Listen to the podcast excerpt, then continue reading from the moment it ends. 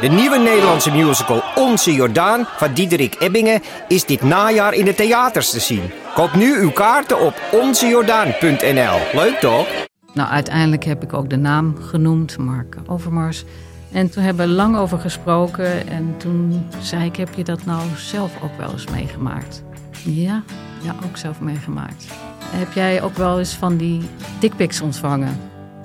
Ook. Ja, dat vond ik toch wel heel heftig. Ben je benieuwd naar deze verhalen en wil je niets missen? Via podimo.nl slash gonzo luister je 30 dagen gratis naar Gonzo op Podimo. podimo.nl slash gonzo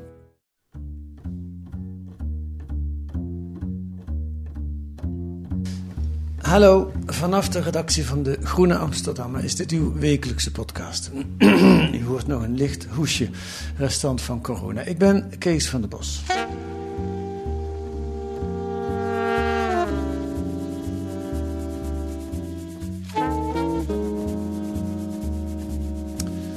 Pokeren met vluchtelingen aan de grens tussen Wit-Rusland en Polen gaf ons dagenlang mensonterende beelden te zien. Honderden, duizenden mensen levend in de kou, in een oerbos. Polen hield dapper stand tegen de chantage die dictator Lukashenko probeerde. Dat was het beeld. En zo wordt het ons voortdurend verteld. Maar klopt dat ook? Thomas Spijkerboer schrijft deze week in De Groene een ander verhaal. En nu zit hij hier om ons daarover te vertellen. Welkom in de podcast, Thomas. Uh, ja, je moet niet alleen knikken, want anders dan zien de luisteraars dat niet. Ik moet dan zeggen, oh, fijn, fijn om hier te zijn. Ja, moet, ja. Ik, moet, ik, moet ik met mijn lepeltje in, in een kopje koffie roeren, zodat ze kunnen horen hoe gezellig het is. Kijk, kijk, ja. we gaan enorm uh, vooruit. Um, voordat we inhoudelijk gaan praten, wil ik even iets over jou uh, vertellen aan de, aan de luisteraar. Wie is Thomas Spijkerboer? Is dat een jouw vraag? Uh, dan vraag je eigenlijk aan mij om daar iets over te vertellen. Ja. Ik ben hoogleraar migratierecht aan de, aan de Vrije Universiteit. Hm. Hier in Amsterdam, al twintig jaar. Ja. En daarvoor ooit ook vreemdelingenadvocaat geweest. Ja, is heel lang daarvoor, tussen 86 en 93. Ja. ja. En, en jij vestigde hier in Amsterdam het Centrum voor Migratie en Vluchtelingenrecht, wat een nogal gekend onderzoeksinstituut is. Je kijkt er een beetje vragend bij, zeg ik iets verkeerd? We, we, hebben, om, omdat we internationaal zijn, hebben we een Engelstalige naam. De, ja. de Amsterdam Center for Migration and Refugee Ja, dat heb ik verteld, ja. En dat is, dat is uh, ja, een van, inmiddels een van de grootste clubs op het vakgebied uh, ter wereld. Ja. ja. Ja. goed. Je weet waarover je spreekt, zal ik maar zeggen. Dat, dat, dat, uh, daar ga ik vanuit, ja. ja. We, we, gaan naar de grens tussen Wit-Rusland en Polen. Uh, de situatie ontspant een beetje. Gisteren zag ik het nieuws dat Eurocommissaris Ilva Johansson uh, zegt dat de vluchtelingen nu allemaal in een hal opgevangen worden. Dus die verschrikkelijke beelden van buiten die zijn uh, weg. En een aantal neemt af, want Lukashenko schijnt ook weer vluchten terug naar Irak te organiseren. Um, maar even naar een paar dagen daarvoor. Toen was er sprake van hybride oorlogvoering. Die term werd er gebruikt. Uh, en Europa heeft de rug recht gehouden. De crisis is bezworen. Uh, wat denk jij daarvan? Uh, nou, ik denk dat het een, een korte termijn gevolg is van langer termijn beleid. En in de media en politici die richten zich alleen maar op die, op die korte termijn. Um, en daarom zien ze een crisis, en zien ze iets onverwachts. En zien ze een, een slechterik, Lukashenko. En uh, nou, een, soort, een, groepje dappere Galliërs, dat zijn dan de, de Polen, die stand houden. En ik denk dat dat een, dat dat een, uh, ja, een verkeerd, verkeerd begrip is van de situatie. En dat je, als je er zo tegenaan kijkt, dan weet je zeker dat je dit over een tijdje weer hebt. Want dit is niet nieuw. Hè. Het is ook gebeurd aan de Marokkaanse grens eerder dit jaar. Uh, Turkije vorig jaar. Libië daarvoor. Dus dit is, dit is een, een vast onderdeel. Ja. En ik denk dat je je moet afvragen hoe het eigenlijk komt dat dit gebeurt. Ja, maar dus het beeld zoals ik dat net schetste en zoals dat in de kranten staat, uh, wij tegen die verschrikkelijke Lukashenko, dat klopt niet. Nou, er zijn. Kijk, als je naar de korte termijn kijkt, dan zie je Lukashenko die migratie instrument, instrumentaliseert, als instrument van buitenlandse politiek gebruikt. Wat de media vergeten, en wat ze eigenlijk ook op die korte termijn best zouden kunnen zien, is dat ook Europa migratie instrumentaliseert. Dus gebruikt als instrument van buitenlands beleid. Hm. Um, uh, Polen komt het prima uit dat er nu een crisis is, want die hadden wat gedoetjes rond hun abortuswetgeving, uh, rond de onafhankelijkheid van de rechterlijke macht. En Europa staat nu toch maar weer mooi pal achter Polen. De bewegingsruimte voor de EU om iets te doen aan die schandalige abortuswetgeving, al helemaal aan de onafhankelijkheid van de rechterlijke macht, nou, die is kleiner geworden. Dus Polen vindt het allemaal prachtig en, en, en doet, doet, doet opgewekt mee aan het, uh, nou ja, het produceren van die, van die pakkende plaatjes. Die nu ook bij mijn artikel in De Groene staan, zag ik een beetje op mijn schrik. Uh, dus de instrumentaliseren komt van, van beide kanten. En dat zouden de media eigenlijk best mogen zien. Het verhaal valt helemaal weg. Want iedereen gaat mee in dat, in dat frame van ja. hybride oorlogvoering. En ook wat een schurk is die Lukashenko toch. Wat hij ook is, maar het is niet de enige schurk nee. in, het, in het spel. Maar laten we eens kijken naar de alternatieven. Sorry, had Polen de vluchtelingen binnen moeten laten? Uh, dat staat maar liefst elf keer in de EU-procedure-wetgeving, uh, asielprocedure-wetgeving, dat als iemand aan de grens asiel vraagt, dan mag je hem aan de grens houden. Dus je hoeft hem niet tot je grondgebied toe te laten. Maar je moet wel kijken of die persoon soms in aanmerking komt voor, voor asiel. Europa, of, Polen doet dat niet. Uh, en Europa steunt uh, Polen daar voluit in. Ja. Eigenlijk voluit. Dat betekent dat, uh, dat de, de, de, Europese Unie en de Europese Commissie gewoon het, het Europese recht en ook het internationale recht, dus zijn eigen recht, door de wc spoelt. Maar dat is nog wel wat. Dus ze schenden hun eigen asielwetgeving. Ja, dat is ook niet nieuw. Dat is ook uh, aan de Pools, uh, aan de, aan de Grieks-Turkse grens gebeurd in maart 2020. Er zijn ook mensen doodgeschoten. Daar hoor je de EU niet over. En de, de EU stond ook toen pal achter Griekenland. Dus dat, is, dat, dat neemt steeds uh, steviger vorm aan. Ja, nee, oké, okay, maar het beeld wordt wel anders. Kijk, die Lukashenko is geen leuke meneer, daar hoeven we het niet over te hebben. Um, en die probeert eens wat. En dat doet hij gewoon schaamteloos ten koste van het lot van andere mensen. Maar de reactie van Polen en van de Europese Unie is dus eigenlijk gewoon illegaal. Ja, en bovendien vind ik eigenlijk ook, ik heb ook nog wel een kanttekening bij het idee dat Lukashenko misbruik maakt van onschuldige mensen. Dat zijn mensen, een van, de, een van de interviews die ik las was een Syriër die al een tijd in Libanon zat. Syriërs zitten klem in Libanon, die kunnen geen kant op. Dus die willen daar weg. Die hebben hele goede redenen om daar weg te willen. Omdat Libanon gewoon te vol is. Hè. Libanon is een derde van de bevolking is vluchteling. Dat kan gewoon niet. Nou, Europa laat, laat Syriërs daar uh, aan hun lot over.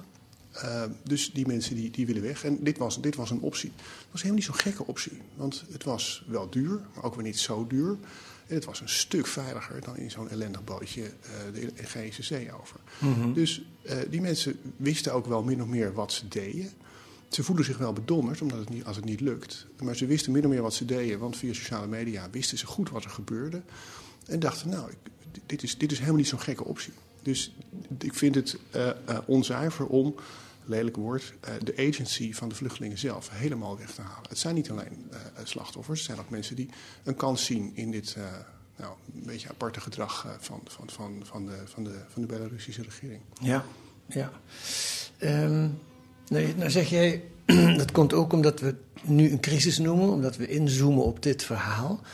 Maar als je kijkt naar het grotere plaatje, dan, dan gaat het over een tijdje weer gebeuren. En dat is een paar maanden geleden ook gebeurd. Kijk eens naar dat grotere plaatje, schets dat is voor ons. Wat, wat, je, wat je ziet is dat um, de, de landen om Europa heen, um, nu Belarus, eerder Marokko, eerder Turkije, eerder uh, um, uh, Libië, uh, Tunesië. Dat zijn landen die. Europa heeft de afgelopen 30 jaar bedacht: die landen moeten gaan doen wat wij niet willen. Namelijk migratiebeleid gaan voeren. Dus Europa is, is er bezorgd over dat mensen ehm, via de luchtvaartverbindingen die we zelf zo belangrijk vinden, die we zelf zo graag zouden gebruiken. En ach, wat kijken we er naar uit om dat na afloop van COVID weer gewoon te kunnen doen zoals we het gewend waren. Dus zijn wij willen heel graag gebruik maken van internationale uh, uh, verbindingen via de lucht en, en via veerboten. En we vinden het geen goed idee als mensen uit arme landen daar ook gebruik van maken. Nou, daar is een systeem voor opgezet de afgelopen 30 jaar. Dat is, een, dus, is niet iets van, van vandaag of gisteren. Dat heeft 30 jaar geduurd, dat is 30 jaar gewerkt. Om te zorgen dat die verbindingen heel goed zijn. Nou, Schiphol is daar, Nederland is daar een van de voorbeelden van. Schiphol is enorm gegroeid. En Schiphol is een van de best verbonden luchthavens die er zijn. Je kunt vanaf Schiphol naar heel veel plekken rechtstreeks reizen. Heel makkelijk voor ons. Ja, Ehm, als je rijk en wit bent met name. ja, precies. Of als je, als je, zoals ik, een baan hebt waarvoor je veel in het buitenland moet zijn. Echt Ja. fantastisch. Heel Ja. fijn om ernaast te wonen. Maar al die arme mensen, die, die willen we niet op Schiphol hebben. Want als ze hier eenmaal zijn, dan raak je ze moeilijk weer kwijt. Dus we willen dat ze hier niet komen. Nou, we hebben gezorgd dat ze niet die vliegtuigen in- inkomen... door visumverplichtingen te harmoniseren de afgelopen 30 jaar. En te zorgen dat luchtvaartmaatschappijen de grensbewaking doen bij het inchecken. En dat de, de, de paspoorten en de documenten technisch zo goed zijn dat ze dat ook kunnen. Dat ze Ja, dat mensen groot- kunnen tegenhouden. Groot succes, hè? Dat, eh, er komen bijna geen vluchtelingen meer binnen via luchthavens. Ja, ik heb, ik heb, eh, ik heb eh, twee datasets van Eurostat tegen elkaar gehouden. Namelijk het aantal passagiers wat van buiten de EU naar Europese luchthavens leidt. leidt. Dus dat heb je het aantal inkomende mensen. Ja. En het aantal mensen wat wordt, de toegang wordt geweigerd op lucht- luchthavens omdat ze niet, ge- niet, niet gedocumenteerd zijn. En je ziet dat maar 0,03 procent, dus dat is 3 per eh 10.000 mensen, wordt geweigerd omdat ze niet de goede papieren hebben. Dat is een krankzinnige handhavingssucces. Ja. Bij de Belastingdienst worden ze draaierig bij dit soort dingen. Dat, dat halen ze nooit. Dat is uitstekend gelukt om mensen, dus om, om, om mensen uit arme landen uit het internationale mobiliteitssysteem te, te weren. Maar die mensen die, die, die reizen wel. Ehm, eh, bijvoorbeeld omdat ze asiel willen hebben eh, en, en daar ook eh, nou, in een stevig eh, deel van het geval ook best, best, best een goed verhaal bij heeft. Of omdat ze weten dat er in Europa vraag is naar, naar arbeid. Ehm, dat zien we nu, nu, nu heel, heel scherp. Ehm, dus, dus ze reizen. En dan reizen ze dus via die vervuilde bootjes of via, vrachtwa- via opleggers van vrachtwagens. Ehm, nou, dat willen we ook niet. En, en daarom hebben we eh, bedacht in de afgelopen 30 jaar dat we die landen aan de randen van Europa, daar gaan we allemaal samenwerksverbanden mee aan, zodat zij mensen, eh, als ze toch naar Europa komen, terugnemen zonder gedoe. Liefst ook niet alleen, als hun, liefst niet alleen hun eigen onderdanen, maar ook, eh, eh, het is fijn als Marokko, ook Senegalezen en Nigerianen terugneemt. En nog liever willen we dat die landen zelf al mensen buiten hun grenzen houden. Dus dat die de, dat die de grensbewaking doen Ja. die wij zo lastig vinden. Het voorbeeld van zo'n afspraak is eh, in 2016 de Turkije-deal. Ja, t- Toen zou je kunnen zeggen, zat er ineens een soort lek ergens in het eh, systeem. Er kwamen, ondanks dat dat niet de bedoeling was en nu ook eh, niet meer gebeurt, kwamen er duizenden vluchtelingen binnen. Eh, De beelden kennen we allemaal nog. Het begon allemaal op bootjes op de Middellandse Zee, de, tochten, voettochten door Europa. Ehm, dat moest stoppen, want eh, ja, daar moeten we misschien zo nog over hebben. Of dat, maar dat, dat is dan het beeld. Dat kan zo niet langer, een onhoudbare toestand. En toen hebben we met Turkije afgesproken: als jullie ze nou opvangen en tegenhouden, dan krijg je van ons 6 miljard euro.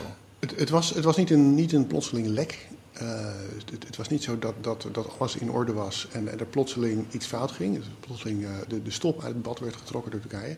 Nee. Ook hier zag je dat sinds 2011 er in Turkije, eh, Libanon en Jordanië een toenemend aantal Syrische vluchtelingen was. In Syrië is de helft van de bevolking is op de vlucht. Een kwart eh binnenlands en een kwart buitenlands. Dat is een ongekend aantal mensen. Die mensen die, die zitten in Turkije, Libanon en eh, Jordanië. En de internationale gemeenschap, de EU voorop, laat die mensen aan zijn lot over. Dus je ziet de, de, de, de, financiering eigenlijk teruglopen. Maar de helft van het geld wat nodig is om Syriërs te huisvesten in, en onder te brengen en onderdak te bieden in de regio, wordt geleverd door, door, door de internationale gemeenschap. En de EU is daar natuurlijk de eerste die je daarop aankijkt. Toen Toen bedoelt, ik, ze geven daarvoor te weinig geld. ze geven ongeveer de helft van het geld wat er voor nodig is. Ja. En ook dat is een, is een langdurig gemiddelde. De, Ja. de- de- de- wat je, wat je, en toen ik in 2014 in rapportages uit de regio las dat. eh, Ik kan me nog twee voorbeelden herinneren. eh, voedselpakketten worden alleen nog maar uitgedeeld aan mensen met. aan gezinnen met, ik geloof, meer dan drie kinderen. En de ander was. eh, kinderen mogen nog maar om de dag naar school. Omdat de scholen vol zijn.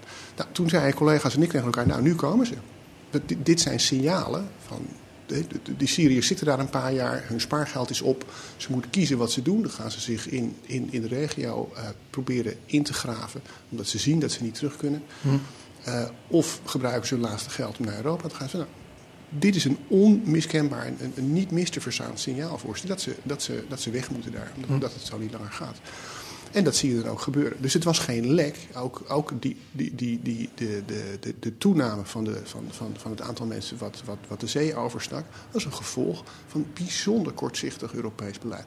Goed, dat was even een kanttekening bij jouw vraag. Ja, ja, het is altijd weer goed om die kanttekening te maken. Ja.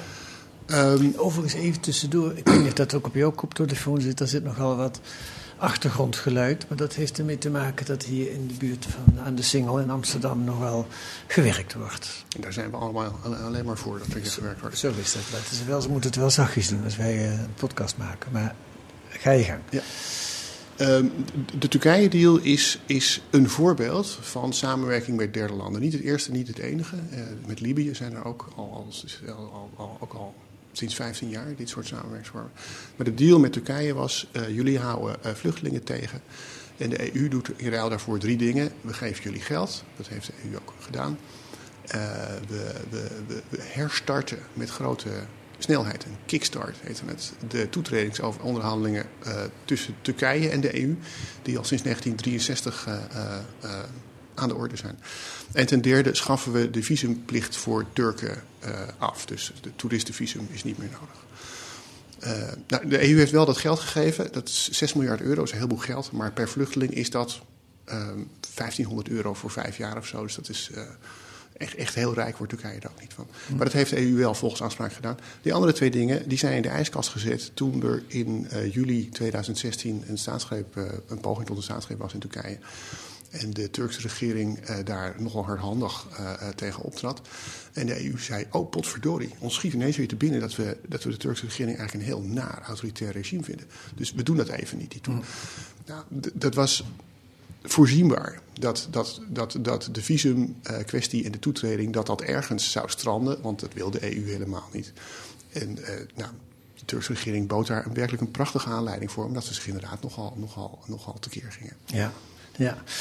Um, ik ga het even in een wat groter uh, plaatje zetten, wat jij eigenlijk ook al gedaan hebt, maar ik wil het ook laten horen. Um, uh, ik begin afgelopen maandag, dus uh, twee dagen geleden, in het journaal. Toen trof me dit bericht. Ja, migranten als politiek drukmiddel was allemaal te zien de afgelopen weken op de grens tussen Polen en Wit-Rusland. Maar het gebeurt op meer plekken. De Turkse president Erdogan zette afgelopen jaar korte tijd de grens naar Griekenland open voor migranten. De schijnwerpers daar zijn nu weg. Maar nog iedere dag proberen migranten en vluchtelingen via de Turks-Griekse landsgrens de EU binnen te komen. Niet één keer, niet twee keer, maar drie keer werden deze Syriërs met geweld de grens overgeduwd. Eerst door de Griekse grensbewaking. Vervolgens wilde de Turkse grensbewaking ze niet meer binnenlaten en dwong ze terug naar Griekenland. En de Grieken sturen ze op hun beurt weer naar de Turkse kant.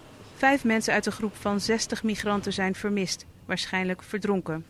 Dit is hem, de Evros rivier. Een hevig gemilitariseerd gebied, zowel aan de Turkse als aan de Griekse kant. En daar ligt meteen het probleem. Het is een soort niemandsland waar niemand bij kan. NGO's kunnen er niet bij, en journalisten als wij mogen er ook niet naartoe. Getuigenissen van migranten worden verzameld door de Oostenrijkse hulporganisatie van Nathalie Gruber. Ze noemt wat hier gebeurt pingpongen met mensenlevens. The violence that we've been recording recently is uh, insane and I think most people in Europe can't imagine what, what is happening on, on these borders where people are literally tortured just for trying to access the asylum system which is uh, enshrined in, in law. Dus wat Nathalie Grube uh, van de, hulporganisatie zegt, mensen worden gemarteld terwijl ze eigenlijk niks anders doen dan waar ze recht op hebben, namelijk asiel vragen in Europa. Um, nou, dat is wat jij bedoelt hè, met die, die uh, we zadelen andere mensen met uh, andere, in dit geval weer Turkije.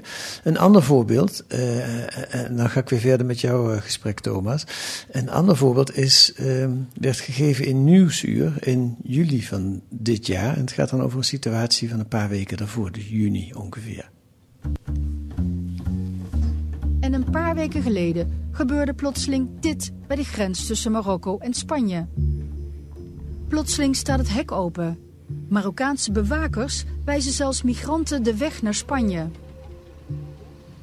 En ze komen met duizenden tegelijk. Jonge mensen, vaak in economische nood, rennend naar Europa. door Marokko ingezet als wapen in een politieke strijd. In 48 uur lukt het zo'n 9000 migranten rennend en zwemmend Spanje te bereiken. Het begon met een diplomatieke crisis en draaide om deze commandant, Brahim Ghali, een vijand van Marokko.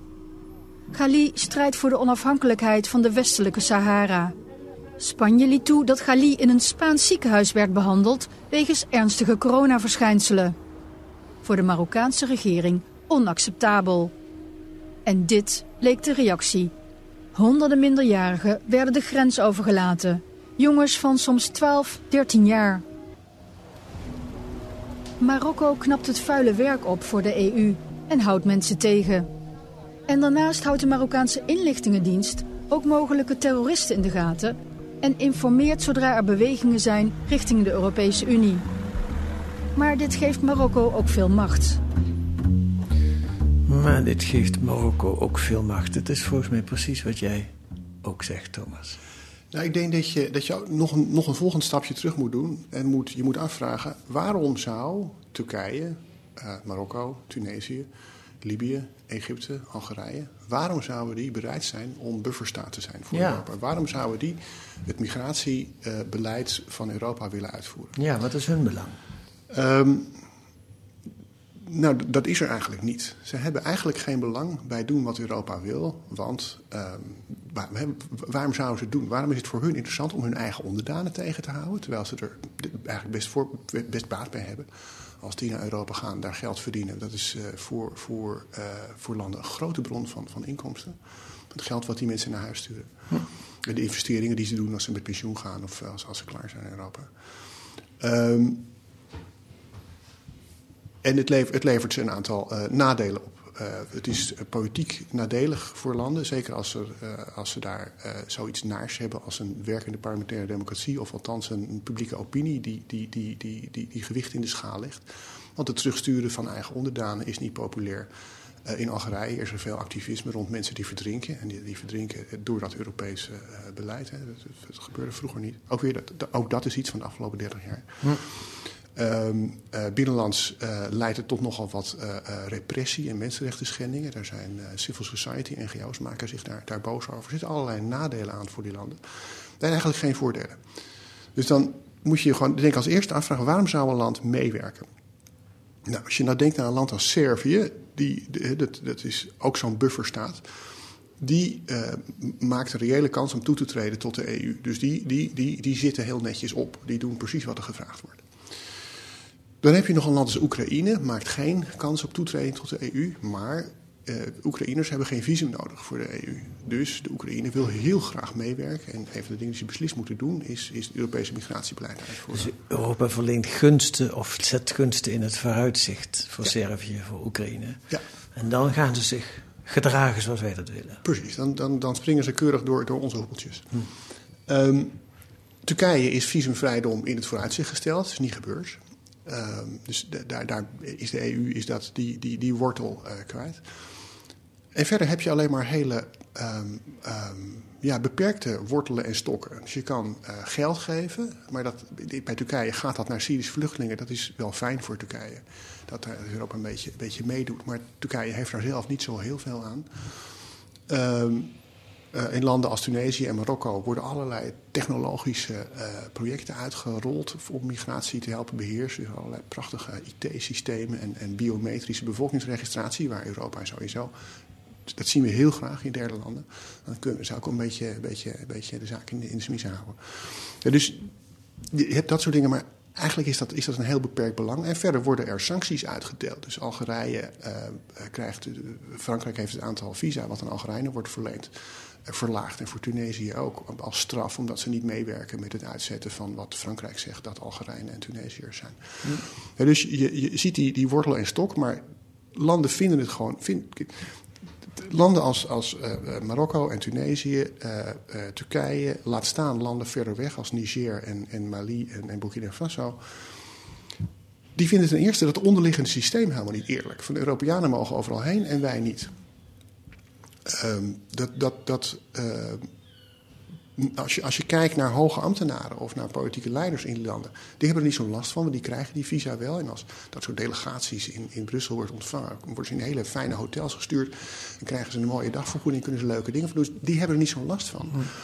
Maar ook zij weten door hun familieleden en ehm, mensen met wie, ze, met wie ze dagelijks contact hebben, dat het, dat het een heel unfair systeem wordt gevonden. Dus, en, en dan wat Europa wil, is dat die landen meehelpen aan het handhaven van dat systeem. Dus dat, is, dat is eigenlijk al moet zeggen, onderliggend probleem nummer één. Het, het systeem wat Europa wil handhaven, dat, vind, dat is bezien vanuit die landen een oneerlijk systeem. Henk van Houtem heeft het uh, global apartheid genoemd. Het is een Ja. beetje een zware term, maar die, die is eigenlijk best verhelderend. Wij willen over de hele wereld reizen, maar de hele wereld moet niet naar ons toe komen. Nee, dat, dat, eh, precies. Dat, dat, en dat, dat wordt. Een van, de, een van de, de voorbeelden toen, dat, toen het doordrong, was toen ik sprak met een ehm eh, Malinese aardrijkskundeleraar van in de 30 en die schreef naast zijn werk een proefschrift. En hij heeft een baan, een gezin, een huis. Eh, nou, hij slaagt erin om daarnaast ook nog te werken aan een proefschrift. Het gaat hartstikke goed met die vent. En hij vroeg een visum aan, een bezoekvisum voor Frankrijk... om naar een congres te kunnen, om daar een paper te kunnen presenteren. Dat werd geweigerd omdat er vestigingsrisico was. En die man was niet, niet heel emotioneel of zo, maar de, de, de, de, de, de, ja, een soort van, van verstilde woede. Van, van, joh, ik kan best zonder dat congres, maar wat speelt er zich in jullie hoofden af? Dat je denkt dat, dat ik geen groter verlangen heb dan, dan, illegaal te worden in Frankrijk. Wat is er mis met jullie? En ik denk dus dat, dat dat is een voorbeeld van dat heel brede gevoel van het is gewoon, het is gewoon oneerlijk wat jullie doen. Nou, dan vraag je ook nog landen om daaraan mee te werken en om impopulaire maatregelen te nemen. Het, het sluiten van een. Van een, van een dus de EU wil, wil verdragen sluiten met, met Tunesië bijvoorbeeld, dat ze, dat ze illegale terugnemen. Dat is politiek een heel heikel ding. Dat maak je erg impopulair mee in, in, eh, in, in het land. Dus landen hebben eigenlijk niet zoveel reden om mee te werken. Dat betekent dat Europa eigenlijk zijn hele migratiebeleid baseert op het idee dat er bufferstaten rond Europa zijn die, die wel willen doen waar wij niet zo goed in zijn, namelijk een migratiebeleid voeren. Of waar wij ons ook voor schamen misschien wel, dat we dat niet zo open Nou, die schaamte is wel weg, geloof ik. Zeg, lieve help. En er worden gewoon, hè, dus er is, is sprake van grootschalige schending van, van, van onze eigen regels. En de Ja. Europese Commissie die zegt eh, duimen omhoog, eh, recht zo die gaat. Ja. Dus die schaamte, daar merk ik niet zoveel van. Maar dus, je, je zet al je kaarten erop dat andere landen een beleid, jouw beleid gaan uitvoeren, terwijl die landen daar geen enkele reden voor hebben. Dat maakt je heel kwetsbaar, want je kunt ze soms wel even motiveren om dat te doen met allerlei wortelen en stokken. Maar er hoeft maar dit te gebeuren. Of ehm, ja, ze denken, ja, nu, nu doen we het toch even niet. Ja. En dan, dan, heb je, dan heeft Europa weer een crisis. Ja. En inmiddels begint, eh, beginnen de, de, de, de- de- Muammar Gaddafi was de eerste die dat ontdekte. Dat je, als je dat goed in de media deed, in de jaren eh, 2008, 2009, als ik het goed, me goed herinner. Als je dat goed in de media brengt, kom je daar een heel eind mee. Eh, dan werd hij ook op staatsbezoek ontvangen in, in Rome en zo. Dat was allemaal, was allemaal mooi. En inmiddels ontdekken steeds meer buurlanden dat daar gewoon wel wat, dat je best eens wat kan proberen. En dat je daar een heel eind mee komt. Oké, het, het, het, het beeld is duidelijk. Eh, wij, Europa heeft zich verlaagd, zou je kunnen zeggen, tot een soort koehandel met bufferstaten. In een eh, poging om, eh, om met veel geld af te kopen dat we niet willen dat, eh, dat er te veel arme mensen naar ons toe komen. Ehm, dat we eens kijken naar het alternatief. Eh, het is duidelijk dat dit mensonterende toestanden oplevert. Eh, het Europese migratiebeleid is failliet, zou je kunnen zeggen. Ook als je ziet de situaties op Lesbos, op de, de, de, kampen, dat is ja, scha- eh, schandelijk toch om dat te moeten dragen als Europa. Ik zie jou niet van harte ja schudden. Nou, ik, ik, eh, het, het, ehm, ehm, ik heb altijd een beetje moeite met, met, met, de, met al te zwaar de zaak moreel aanzetten. Het, is allemaal heel erg en, en dat is ook heel vreselijk. Eh, maar het werkt ook gewoon niet. Eh, en en dat, dat tweede, het klinkt een beetje cynisch van alsof het wel zou mogen als het wel werkte. Mhm. Maar het werkt ook gewoon niet. In de zin van? Uh, je blijft crises houden, je blijft migranten hebben. Zolang er hier vraag op de arbeidsmarkt is, komen er gewoon mensen. En zolang je uh, miljoenen Syriërs in de, in de regio laat stikken, gaan ze, gaan ze, gaan ze, gaan ze lopen op een goed moment. Ja. En dus het, het werkt ook gewoon niet. Ik denk dat het nou heel belangrijk is om, om niet alleen te zeggen: moreel kan dit niet, juridisch kan dit niet, maar ook het werkt gewoon niet. En je moet iets beters verzinnen. En dat kan ook gewoon. Nou, daar wou ik de laatste minuten van dit gesprek aan besteden. Dat kan ook gewoon. Uh, maak eens een begin. Uh, ik denk dat je je moet afvragen of je die, die global apartheid, of je daar. Het is een, een, een, een, systeem waarvan ik de legitimiteit niet goed, niet goed rondkrijg. Dus daar zul je um, naar moeten kijken. En voor, vooraf, je, moet naar de lange termijn kijken. Dit is een korte termijn manifestatie van een lange termijn probleem. En um, uh, Europa kijkt op het ogenblik alleen maar naar die korte termijn. En daar vallen alleen maar lelijke en, en, en onaangename dingen te, te verzinnen. Je moet in ieder geval ook naar die lange termijn kijken. En daar is eigenlijk daar is geen agenda. Daar, is geen, daar, daar gaan de gedachten ook helemaal niet over. Daar kijkt niemand naar. Nee, het eerste is, je moet die global apartheid, daar, daar moet je verzinnen hoe je daarvan afkomt. Dat is niet, niet in één keer, niet, niet in één dag uh, geregeld. Want dat is een, in, in lang, lang, lange, lange periode is dat, dat, dat uh, aangelegd. En hoe je dat, hoe je dat verandert, um, uh, uh, is voor mij een vraag. Maar ik denk dat, je, dat, je, dat, dat Europa zich moet afvragen: um, vinden we dit een legitiem systeem? Ja, ja. of nee? Ik, ik, zie zelf niet hoe je dat zou, zou kunnen rondkrijgen. Nou, dat lijkt me ook niet makkelijk. Maar is het, komt het niet voort, zo wordt het vaak gepresenteerd volgens mij, als uit angst. Als we dat niet doen, stroomt het hier vol met uh, vluchtelingen. Nou, laten we eens kijken, wat, laten we daar eens naar kijken. Ik denk dat een tweede belangrijke component is dat je uh, zelf eens een echt migratiebeleid gaat voeren. En niet alleen maar het, het, het permanente crisisgepaniek. Uh, wat je ziet, ook, ook het Nederlandse asielbeleid is daar een voorbeeld van. Dat de constante tekort aan opvangplekken is gewoon. Het is een, een, een, een, een, een fout, een, een, een denkfout in, in de planning. Dat je altijd denkt, jongens, nu hebben we, hebben we het onder controle. Nu komt echt helemaal niemand meer. Ja. En dan zitten we weer een heumensoort in een, in een tentenkamp. Ja, en dan zitten in, in Ter Apel weer mensen op straat. En ja. dat, is, dat is niet nodig. Dus je, je moet een, een langetermijn migratiebeleid gaan, gaan, gaan, gaan ontwerpen. Dat heeft uh, twee, twee elementen. In het asielbeleid zie je dat Europa wordt overvallen door um, groepen uh, vluchtelingen als Europa de opvang in de regio laat versloffen. Dat hebben we bij de Syriërs gezien. Het is echt een, bijna een laboratoriumvoorbeeld. Omdat Syrië zo'n heftig conflict was. Wat zo plotseling opvlamde. En zoveel mensen. Het is ongekend dat de helft van de bevolking van het land. in Europa's achtertuin op de vlucht slaat. Nou, dan zie je dat 11 miljoen mensen op de vlucht. Ongeveer de helft daarvan binnen Syrië. En de andere helft in de buurlanden. En Europa betaalt uh, maar ongeveer, de wereldgemeenschap betaalt maar ongeveer de helft van wat het kost. Dus mensen zitten daar echt, echt helemaal klem. En ten tweede, in een land als Libanon, waar als je goed telt, een derde van de bevolking vluchteling is. Een derde, we zitten hier met z'n drieën aan tafel, één van ons is vluchteling. Dat kan gewoon niet. Hm. Daar moet massaal hervestigd worden. En als je dat, als je financiert en je massaal hervestigt, en als je daar, nou het is, het is begonnen in 2011, als je daar in 2014 mee was begonnen, toen je concludeerde dat het in Syrië niet snel voorbij was en dat het zo niet langer ging, dan had je mensen, had je wel grote aantallen gehad, maar had je die mensen gepland kunnen laten komen, was je niet plotseling geconfronteerd met, met plekken waar je, had je dus niet naar Heumensoord gehoeven. Had je dat goed kunnen organiseren met een land of 20, 30. Ja. Dan was dat veel beter te doen geweest. Dus je moet echt financieren en echt hervestigen in landen als Libanon, waar het gewoon niet kan. Veel meer geld naar opvang in de regio. Nou, ik weet niet of dat veel meer geld kost. Omdat je als je chaos in Nederland en aan de grens voorkomt, spaar je ook weer een heleboel geld uit.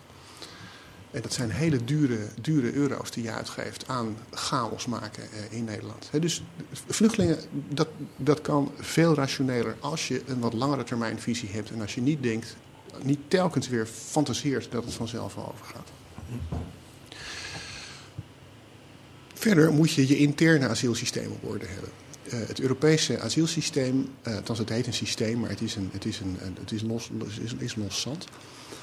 Dat heeft twee fundamentele problemen. Ten eerste, het Dublin-systeem is oneerlijk. Dat, Het eh, Dublin-systeem betekent het Dublin-systeem gaat over de vraag welk land verantwoordelijk is voor een asielverzoeker. En dat Ja. zijn de landen aan de grens. Ja, waar je aankomt, het eerste land, Ja. daar moet je de asielverzoek afgehandeld worden. Ja. Dat zijn wij dus bijna nooit. Nee, dat vinden Nederland en Duitsland vinden dat een fantastisch systeem. Ja. Omdat wij gewoon niet in de prijzen vallen. Nee. Ehm, ja. Ook in het nieuwe voorstel van het, het zogenaamd nieuwe voorstel van de Euro- Europese, Europese Commissie, het migratiepact, met, wat met veel tamtam is gelanceerd, verandert daar niet zoveel aan. Dat wordt alleen maar versterkt. Dus er, wordt, er worden sancties gezet op, op van het ene land naar het andere gaan. Dus Dublin is unfair tegenover lidstaten, dus lidstaten frustreren dat. Eh, Italië heeft dat gedaan, Griekenland heeft dat gedaan, eh, Polen zou het doen als hij dus landen misdragen zich om, dat, om Dublin te, te, te, te, te, te, te saboteren. En dat is eigenlijk best begrijpelijk, want het is geen redelijk systeem. Het tweede probleem is dat eh, vluchtelingen de zaak ook saboteren, want die hebben in Italië wel twintig keer zoveel kans om eh, asiel te krijgen dan in, Bel- en dan in eh, Bulgarije. Voor, ik geloof voor Irakezen of voor Eritreërs, ben ik even kwijt. Maar daar heb je statistieken over. Nou, dat is volkomen onredelijk tegenover vluchtelingen. Dus de twee hoofdrolspelers, staten en vluchtelingen, hebben eigenlijk hele goede redenen om de zaak te saboteren. Dan gaat het systeem kapot. Want Nederlandse belastingwetgeving werkt min of meer omdat we het allemaal in grote lijnen wel een redelijk systeem vinden. En van als je meer verdient.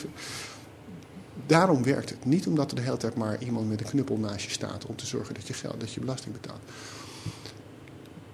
Een systeem, het, het, het, het Dublin-systeem is, is oneerlijk en, en het is, is eigenlijk niet, niet goed geharmoniseerd. Dat moet beter en dat kan ook wel. En er zijn allerlei voorstellen van. Dus bij asiel heb je het, het, het, het opvang in de regio moet beter en je interne systeem moet beter. En dat kan ook allemaal. Zijn, zijn, zijn, hoef je niet, niet heel, heel lang over na te denken en die plannen zijn er al lang. Dat is asiel. Maar je hebt ook nog migratie. Er zijn ook mensen die geen vluchteling zijn. Die komen ook en die zitten, als ik het zo zag aan de nationaliteiten, niet in dat, zaten niet in dat oerbos in, in Belarus, maar zaten er bij, eh, bij, bij bij de Marokkaanse grens eh, in, in mei, eh, juni wel bij. Wat daar speelt, is dat er in Europa werk is. En dat werk, ook als het zwart is, betaalt veel meer dan, dan, dan thuis. En dan kun je dus geld naar huis sturen. En dat is, dat is, dat is heel rationeel om dat, dat te doen. Je haalt de investering, je haalt de reis er ook uit. En het is ook best wel risico's waard. Dus die, die, die, zuigkracht van de arbeidsmarkt, die, eh, die blijft. Die banen zijn er voor een deel doordat Europa zijn arbeidsmarkt heeft geherstructureerd. En dan valt er een aantal eh, kruimelbanen valt van tafel. En ja, die, die blijven dan over eh, voor, voor, voor mensen op de, op de zwarte markt. Die vraag is er. Die kun je negeren. Dan heb je wat je nu hebt. Dan heb je dat chaotische migratiegedoe. Je kunt ook zeggen, nou, eh, die banen willen we eigenlijk eh, eh, op de radar hebben. Die willen, willen, we, willen, we, willen we zichtbaar hebben. En, en dan, dan, dan gaan regelen dat, dat er mensen voor zijn. Je kunt het ook proberen te regelen. Ja, je, je, je moet, het, moet het boven tafel doen en, en af van die, van die bijna Freudiaanse vorm van ontkenning van dat Ja. die vraag er is. Dat, dat, was, dat was het systeem voor 1973. Hè, toen hebben alle Europese landen de arbeidsmigratie beëindigd. Is ook niet een heel erg leuk gezicht, maar zo lelijk als nu en zo chaotisch en zo kost, kostbaar voor Europa als nu, eh, is het niet. Dus je, je, je, moet kijken of je, of je terug kan naar een systeem waarbij als er vraag is op de arbeidsmarkt die je niet zelf kunt voorzien, dat, daar, eh, dat, je, daar, ar- dat je daar migranten voor, voor toelaat. Formeel is dat nu wel zo, maar dat systeem is zo versteend eh, dat dat. Nou, de gevolgen daarvan zie je, zie je aan de Europese grenzen. Ja. Goed. Terug naar het beginbeeld. Hè? Eh, eh, de grens tussen Polen en, en Wit-Rusland. Eh, die mensen in een oerbos. Op de een of andere spreekt me dat ook nog aan dat ze in een oerbos staan. Dat geeft het ook nog iets. ja, wat eigenlijk iets oers, iets bijbels misschien. Ehm, waar we dus naar kijken, wat ons ge- gepresenteerd wordt als een hybride oorlogvoering, is eigenlijk een gevolg van ons eigen beleid. Eh, ja, dit is een korte termijn gevolg van, van ons eigen beleid. En een van de dingen die me, die me frappeert is dat als eh, Wit-Rusland of Marokko of Tunesië of eh, Turkije of Libië zoiets doet, als die dit doet, dan, dan noemen we het hybride oorlogsvoering. Ja. En als wij het doen, als Europa het doet, dan zijn daar hele chique termen voor. Dan heet het issue linkage of conditionaliteit. Of, Ja. Eh, Europa doet dit ook. Uh, maar maar dan, dan, dan vinden we het heel redelijk en snappen we heel goed waarom het zo verstandig is dat we dat doen. En zo ziet het er van de andere kant denk ik ook een beetje uit. Ja, ja.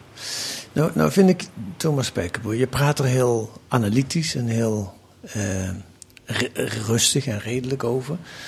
Uh, lukt het jou om niet cynisch te worden in deze, als je naar dit soort problemen kijkt? Ja, um, uh, ik denk, dat, denk dat, dat je, dat je uh, als je aan de universiteit werkt, heb je een heel, uh, je hebt een heel beperkte rol.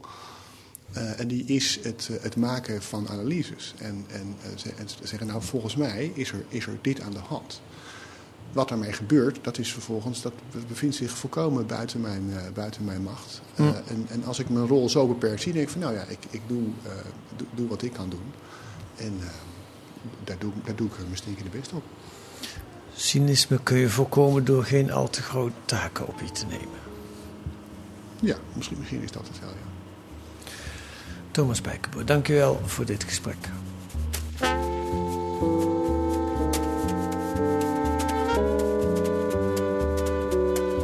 Wat staat er nog meer in de groene van deze week? Een profiel van Wendell Berry, het ecologisch geweten van Amerika. Ik had er nog nooit van gehoord. Deze boer, dichter, schrijver pleitte al voor duurzame landbouw voordat het woord bestond. Een duurzame economie draait volgens hem om zorg, aandacht en genegenheid. Kortom, liefde, hardwerkende liefde. En een onderzoek naar energiearmoede. Vele tienduizenden bewoners van slecht geïsoleerde corporatiewoningen gaan een dure winter tegemoet. Zo blijkt uit deze inventarisatie. Door bezuiniging op de woningbouwcorporaties hebben de broodnodige renovaties met bijvoorbeeld dubbel glas nog niet plaatsgevonden. Dat kunt u lezen met een abonnement of een proefabonnement. Ga dan naar groene.nl. Daar wordt u uitgelegd hoe u 10 weken de groene kunt krijgen voor 15 euro. Wilt u reageren op deze podcast, dan kan dat ook via ons adres podcast.groene.nl.